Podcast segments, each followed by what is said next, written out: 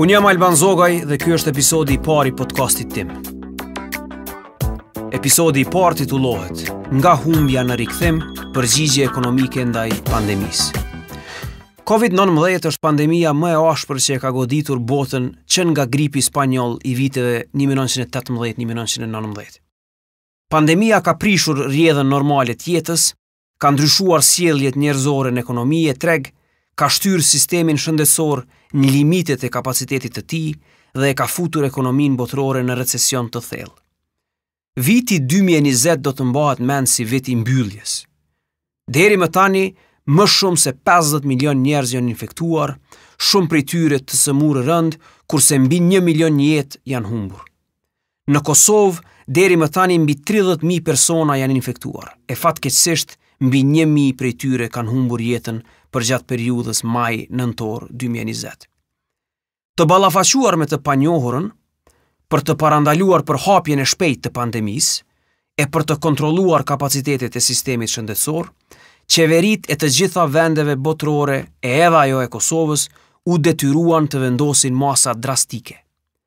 Në mungesë të politikave më të targetuara, qeveritë kryesisht zgjodhën kufizimin e pjesshëm apo të plotë të lëvizjes, siç ishte mbyllja e periudhës mars-qershor në Kosovë. Të cilat masa natyrshëm në vete bartnin një kosto ekonomike. Pasojat ekonomike të këtyre masave janë dramatike. Ato së paku në periudhën afatshkurtër u shoqëruan me pasiguri investimesh, me rënie të konsumit, me rritje të papunësisë e me mbyllje të përkohshme e të përhershme të bizneseve. Shumë industri botërore u goditën rëndë nga kufizimi i lëvizjes nëpër botë dhe të tjera ndryshuan sjellje. kurse për ta zbutur recesionin ekonomik, qeveritë në vendet e zhvilluara implementuan stimuj të shumtë fiskalë, të financuara kryesisht nga rezervat apo borxhi publik. Vetëm deri në maj të vitit 2020, shumë prej këtyre vendeve kanë shpenzuar deri në 10% të GDP-së së tyre. Gjermania, ndër tjerash, gjatë muajve të parë të pandemisë njoftoi se do të ndërtojë një pako ndihmuese prej 130 miliard eurosh për sektorin privat. Plani gjerman inspiroi shumë vende të tjera në në eurozonë. Një shpenzim i tillë qeveritar Marrë parasysh kufizimet financiare, është pothuajse i parealizueshëm për disa shtete në zhvillim. Kosova, si shumë shtete tjera në zhvillim, nuk ka kapacitete financiare të alokojë drejtpërsëdrejti rreth 10% të brutoproduktit vendor në stimuj të tillë ekonomikë. Por, si shumë shtete të tjera në rajon e Evropë, duhet të ketë kapacitete të mjaftueshme për, nën një, për të krijuar politika ekonomike e fiskale që fillimisht zbusin goditjen ekonomike të pandemisë dhe nën dy, për të krijuar politika që nxisin rimëkëmbjen pas pandemisë. Për të kuptuar natyrën e politikave të domosdoshme të Kosovës, fillimisht duhet kuptuar pasojat që pandemia ka krijuar në periudhën e deritanishme, si dhe pritjet për dëmet që e njëjta mund të krijojë deri në normalizimin e plotë. Qëllimi i këtij diskutimi është që të përmbledhë fillimisht pasojat kryesore makroekonomike që janë krijuar në vend dhe të sugjerojë më pas në vija të trasha politikat eventuale që vendi ynë mund dhe duhet t'i ndjekë. Çka dimë deri më tani dhe çfarë presim në të ardhmen? Çfarë dimë është dëmi që pandemia ka shkaktuar deri më tani. Kurse çfarë nuk dimë është thellësia e dëmit që do të shkaktohet në vijim. Kjo sepse recesioni ekonomik është ende i gjallë, e në thellim, meqë masat e shtrëngimit janë ende aktive dhe si duket do të vazhdojnë edhe për një të ardhme të afërt. Prandaj pa e ditur fundin e masave shtrënguese, pra pa e parashikuar fundin e pandemisë, s'mund të dimë thellësinë e ndikimit dhe madhësinë e tkurrjes së ekonomisë nëpër botë, e po ashtu edhe në Kosovë. Sipas studimit të fundit të Bankës Botërore, COVID-19 ka iniciuar recesionin më të madh global në disa dekadat e fundit. Shumë ekonomistë krizën e sivjetme ekonomike e cilësojnë si krizën më të madhe të 150 viteve të fundit. Ky recesion, sipas parashikimeve më optimiste, do të tkurrë ekonominë globale këtë vit për 5.2%. me Evropën, Azinë Qendrore e Amerikën Latine si më të goditurat. E në rast të vazhdimit të kufizimeve në lëvizje nëpër botë gjatë dimrit të sivjetmë, ekonomia globale do të tkurret për tetë për qind vetëm gjatë vitit dy mijë e njëzet. Numrat tkurrës prej pesë e tetë për qind janë alarmantë, marrë parasysh masat stimuluese fiskale që pothuajse secila qeveri botërore i ka ndërmarrë. Pa këto masa stimuluese fiskale, tkurrja do të ishte dukshëm më e lartë. Recesionet e tilla do të jenë dukshëm më të ndjeshme në vendet në zhvillim sikurse është Kosova, dhe atë në disa fusha.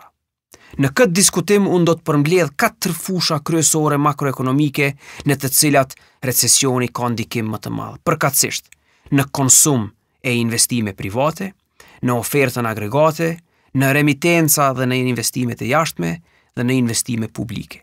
E para, konsumi privat dhe investimet kanë pësuar nga pasiguria e shkaktuar nga pandemia dhe nga kufizimi i lëvizjes. Njerëzit në kohë krize tkurrin shprehinë investuese. Njerëzit në kohë krize orientohen drejt kursimeve. Në këtë vijë, në këtë logjikë, janë rritur edhe depozitat e kosovarëve në bankat tona.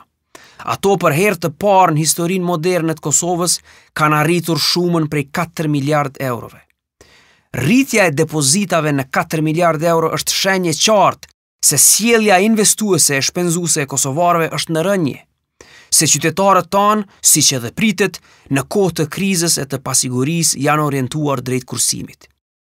Rritja e kursimit për çdo fotografi ekonomike e sidomos në recesion është lajm jo i mirë. meqë në thelb nënkupton uljen e konsumit dhe detyrimisht uljen e investimeve. Të dy këto ulje do të kenë ndikim multiplikues në tkurrjen ekonomike të vendit përgjatë vitit 2020, por edhe më tej. Përveç depozitave, si shenjë e uljes së investimeve, pandemia ka ndikuar në masë të madhe edhe në aktivitetin kreditues të sektorit bankar. Kreditë e reja, siç mund të shihet edhe nga shumë studime, kanë pësuar rënie drastike në periudhën mars-prill-maj, për t'u ngritur prapë në periudhën pasuese qershor-korrik-gusht si formë e pjesshme e kompenzimit të rënies drastike. Vetëm 50 milion euro kredi të reja janë dhënë nga i gjithë sektori bankar në muajin prill të këtij viti. Plot 4 fish më pak se në muajin korrik apo shtator të vitit të kaluar. Kjo e dhënë është plotësisht në linjë me uljen e konsumit dhe investimeve agregate në vend. Ndikimi i dytë i pandemisë është në ofertën agregate. Efektet më të theksuara janë në sektorët me informalitet të lartë, përkatësisht në ndërtimtari dhe në aktivitetet shërbyese hotelierike në gastronomi. Sipas të dhënave të Agjencisë së Statistikave të Kosovës, në kuartalin e dytë të vitit 2020, Outputi në këto dy industri është tkurrur për 65%, përkatësisht 45% krahasuar me të njëjtën periudhë të vitit paraprak. Bizneset në këta dy sektorë do të vazhdojnë të goditen më fort për aq sa masat shtrënguese do të mbesin në fuqi. Shërbimet hotelierike goditen për shkak të kufizimeve në lëvizje e ndërtimtaria për shkak të tkurrjes së sjelljes investuese. Për bizneset e këtyre sektorëve, goditjet do të vazhdojnë deri në normalizimin e plotë të gjendjes pandemike. Natyrshëm, por fatkeqësisht këto goditje do të nënkuptojnë rëndesa të theksuara në qarkullim të parasë, zvogëlim i dukshëm i kapaciteteve kredimarrëse dhe mbi të gjitha ulje drastike e të punësuarve në to. Për më tepër, punëtorët e këtyre sektorëve janë ose informalë ose pjesërisht informalë dhe humbjet në të hyrat për ta do të nënkuptojnë shtytje më të theksuar drejt pragut të varfërisë. Mbyllja e bizneseve për periudha të dhëna do të nënkuptonte rritje drastike në numrat e papunësisë dhe në periudha afatmesme rritje e madhe e informalitetit. Ndikimi i tretë për të cilin dëshiroj të diskutoj e që është jo më pak i rëndësishëm, është ai në remitenca dhe investime të jashtme. Çdo krizë globale, me theks të veçantë në vendet ku diaspora e Kosovës qëndron, siç është Gjermania, Zvicra e Skandinavia, do të përkthehet me rënie të kontributit të diasporës dhe në rënie të investimeve nga jashtë. Ndonëse dërgesat si remitenca edhe kanë shënuar rritje, gjithmonë si kompenzim i krizës në vend, mungesa e vizitës së diasporës në Kosovë do të ndjehet dukshëm në qëndrueshmërinë e bizneseve kosovare gjatë fundit të vitit dy mijë e njëzet dhe fillimit të vitit dy mijë e njëzet e një.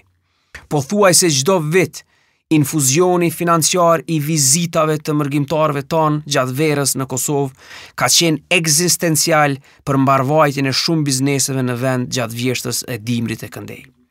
Ky infuzion këtë vit ka munguar. I njëjti fat mund t'i pret edhe investimet nga jashtë. së paku për vitin 2020 dhe fillimvitin e, e ardhshëm. Sipas të dhënave të aeroportit ndërkombëtar të Prishtinës, deri në shtator të vitit 2020, kishte rreth 65% më pak udhëtarë krahasuar me të njëjtën periudhë të vitit 2019. Dhe ndikimi i katërt dhe më i pashmangshmi do të jetë në rënien e pritshme të investimeve publike. Buxheti i kufizuar i Kosovës, i shoqëruar me rënie të konsiderueshme të të hyrave, do të shërbejë detyrimisht si burim i subvencionimit direkt të ndërmarrjeve e të punëtorëve të Kosovës, gjithmonë si masë mbijetese në kohë krize. Këto subvencionime, shoqëruar bashkë me një faturë të tej madhe të pagave publike dhe me rëniet e të hyrave publike, lënë pak hapësirë për investime kapitale në vend. Mungesa e investimeve kapitale publike në kthim do të nënkuptojë shtyrjen e projekteve të parapara dhe vonesat në pagesat ndaj bizneseve vendore, sërish në fushën e ndërtimtarisë e të infrastrukturës. Si rezultat, Kjo shtyrje nënkupton ndryshim në sjelljen e bizneseve që varen ekskluzivisht nga paraja publike dhe vlen të theksohet se i gjithë procesi i subvencionimit publik ishte tejet joefiçient. Pavarësisht që vendimi për pakon emergjente ishte marrë qysh në fillim të muajit prill, distribuimi i plotë i fondeve nga kjo pako ende nuk është bërë.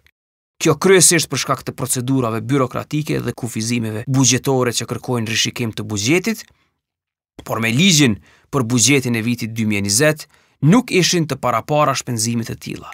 Andaj në mungesë të fondeve të mjaftueshme emergjente, duhej rishikuar buxheti dhe duheshin bërë ndryshime të nevojshme ligjore, të cilat vonuan të gjithë procesin, shto këtu edhe vonesat në votimin e ligjit për pakon e rimëkëmbjes ekonomike. Të katër këto efekte së bashku japin përfundimisht një tkurrje ekonomike që në substancë nënkupton më pak investime, më pak kredi, më pak para nga jashtë e më pak ndikim nga investimet publike. Në thelb, të katër efektet nënkuptojnë humbje ekonomike.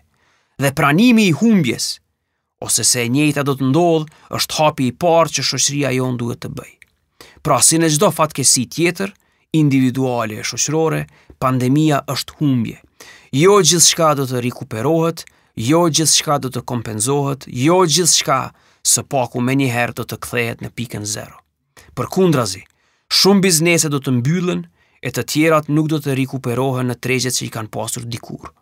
Bazuar në parashikimet e deritanishme nga shumë institucione e ekspertë, por bazuar edhe në rrjedhën aktuale të pandemisë, recesioni i vitit 2020 në Kosovë pritet të jetë rreth 8%, kurse rimëkëmbja ekonomike do të jetë e vështirë dhe e gjatë. Pra, kosovarët, Kosova, shoqëria jonë në përgjithësi ka humbur një të dhjetën e ekonomisë së vet gjatë këtij viti. Kjo humbje nuk kthehet lehtë, por ajo fillimisht duhet të zbutet e më pas edhe të ndërpritet në thellim. Nën supozimin e kthimit në normalitet në pranverën e vitit 2021, rritja ekonomike e vitit të ardhshëm pritet të jetë rreth 3%. dhe më pas të përshpejtohet në rreth 5% në vitin 2022 e kështu me radhë. Pra do të duhen 2 deri në 3 vitet e ardhshme për të kompenzuar humbjen e këtij viti. Në fund, më lejoni të theksoj se çfarë duhet bërë. Në vija të trasha, qeveritë evropiane po e ndihmojnë sektorin shëndetësor. po ndihmojnë drejtpërdrejt individët të cilët kanë humbur vendet e punës, apo kanë rënie në të ardhurat e tyre, po ndihmojnë firmat të cilët ishin të detyruara të mbyllen ose të ulin prodhimin e tyre dhe po ndihmojnë edhe bankat në mënyrë që ato pastaj të kreditojnë pjesën tjetër të ekonomisë. Në vija të trasha, përtej diskutimeve të shteruara të deritanishme në diskursin publik rreth e kundër pakos së rimëkëmbjes ekonomike, Kosova duhet të targetojë drejtpërsëdrejti të katër efektet makroekonomike të cilat i diskutova më përpara. Fillimisht, për të rikthyer konsumin e investimet, Kosova duhet së paku për një periudhë afatshkurtër, të themi dikur deri në 6 muajt e ardhshëm, të reduktojë TVSH-në së paku për 3 deri në 5 pikë të përqindjes. Një masë e tillë do të reduktojë të hyrat buxhetore, por të njëjtat mund të mbulohen me kredimarrje nga jashtë. Ulja e TVSH-së në anën tjetër do të ulë çmimet në ekonomi e rrjedhimisht do të inkurajojë individët të shpenzojnë më shumë. Ulja e TVSH-së është duke u implementuar edhe në ekonomitë më të mëdha evropiane. Ulje prej 3 pikë përqindjeje ndër të tjerash ka implementuar Gjermania nga korriku i vitit 2020. Rritja e konsumit dhe investimeve private do të nxitet ekskluzivisht nga siguria e qytetarëve tanë e cila duhet garantuar. Sjelljet bazike ekonomike, si shpenzimi i parasë, janë në varësi të ngushtë me sigurinë e projektuar për të ardhmen. Nëse projektimi për të ardhmen është i zymtë, rimëkëmbja e mbështetur në konsum e investime është e pamundur. Madje, në një zymtësi të projektuar as ulja e TVSH-së nuk do të prodhojë ndonjë efekt. Meqë blerësit do të vazhdojnë të kursejnë edhe më shumë, e në një siguri më të lartë, edhe masat e tërheqjes së parave Trustit kanë kuptim më shumë, meqë të njëjtat kthehen në investim dhe në konsum. Dhe kjo zymtësi apo siguri në anën tjetër varet drejtpërsëdrejti nga mënyra e menaxhimit të pandemisë, si dhe nga projektimi i sigurisë politike në vend. Kjo e fundit, kohëve të fundit me shumë mangësi. Për të përmirësuar ofertën agregate, Kosova duhet të hartojë politika sektoriale, pra specifike për sektorët e goditur, në vend të politikave me stimuj gjeneral. Pra, për ta thënë më thjesht, ulja e produktivitetit në le të themi ndërtimtari apo hoteleri, e rritja e produktivitetit në industri të ushqimit e barnave do të duhej të nënkuptonte se pakoja stimuluese s'duhet të jetë e njëjtë për të gjithë. Sepse për vetë natyrën e funksionimit të krizave, jo të gjithë sektorët kanë pësuar rënie në këtë kohë. Përkundrazi, disa sektorë kanë pasur rritje si rezultat i ndryshimit të sjelljes së konsumatorëve. Për më tepër, për pjesën më të madhe të pandemisë, pothuajse gjatë gjithë pandemisë bizneset, për shembull në sektorin e ushqimit apo edhe barnatoret nuk kanë ndërprerë punën në asnjëherë. E konsumatorët nuk e kanë ulur kërkesën, madje e kanë rritur atë gjatë vitit 2020. Gastronomia në anën tjetër, turizmi e ndërtimtaria kanë qenë të goditura nga mbyllja, kufizimi në lëvizje e nga gjithë menaxhimi pandemik përherë. Një politikë qeveritare që targeton njëjtë një market ushqimor me një agjencion turistik ka humbur në shenjë rrënjësisht. Targetimi i politikave stimuluese Natyrshëm se krijon byrokraci dhe kërkon plan të detajuar. Krijon edhe kohëzgjatje më shumë. Por në momentin që bëhet është esencial në mbjetesën e bizneseve që kanë nevojë. Në rikthimin e remitencave e investimeve nga jashtë, Kosova ka vetëm një alternativë. të menaxhojë deri në fund mirë me pandeminë. Menaxhimi i mirë i pandemisë, duke ulur numrin e të infektuarve, i hap rrugë kthimit të diasporës në vend. Kthimi i tyre do të shoqërohet me impuls shtesë financiar, që në rastin më të mirë gjatë pranverës së vitit 2021 do të kthente infuzionin e zakonshëm financiar që diaspora vazhdon ta ushtrojë në vend. Ky infuzion në formë të parasë së drejtpërdrejtë të shpenzuar në vend, do të shndërrohej në infuzion ekzistencial për shumë biznese tona. Investimet publike në anën tjetër kërkojnë ndryshim radikal në projeksionet financiare për vitin 2021. Fillimisht, investimet kapitale duhet të mbesin në nivel të njëjtë, pako subvencionuese duhet të jetë më eficiente e duhet të ketë ndërrim rrënjësor në investimet në shëndetësi si përqindje e pjesëmarrjes në bruto produktin vendor të Kosovës. Sikurse shumë shtete të tjera në Evropë, investimet në shëndetësi, në spitale të reja e në pajisje moderne, duhet të shihen si investime afatgjate në një sektor ashtu kështu me nevojë për to.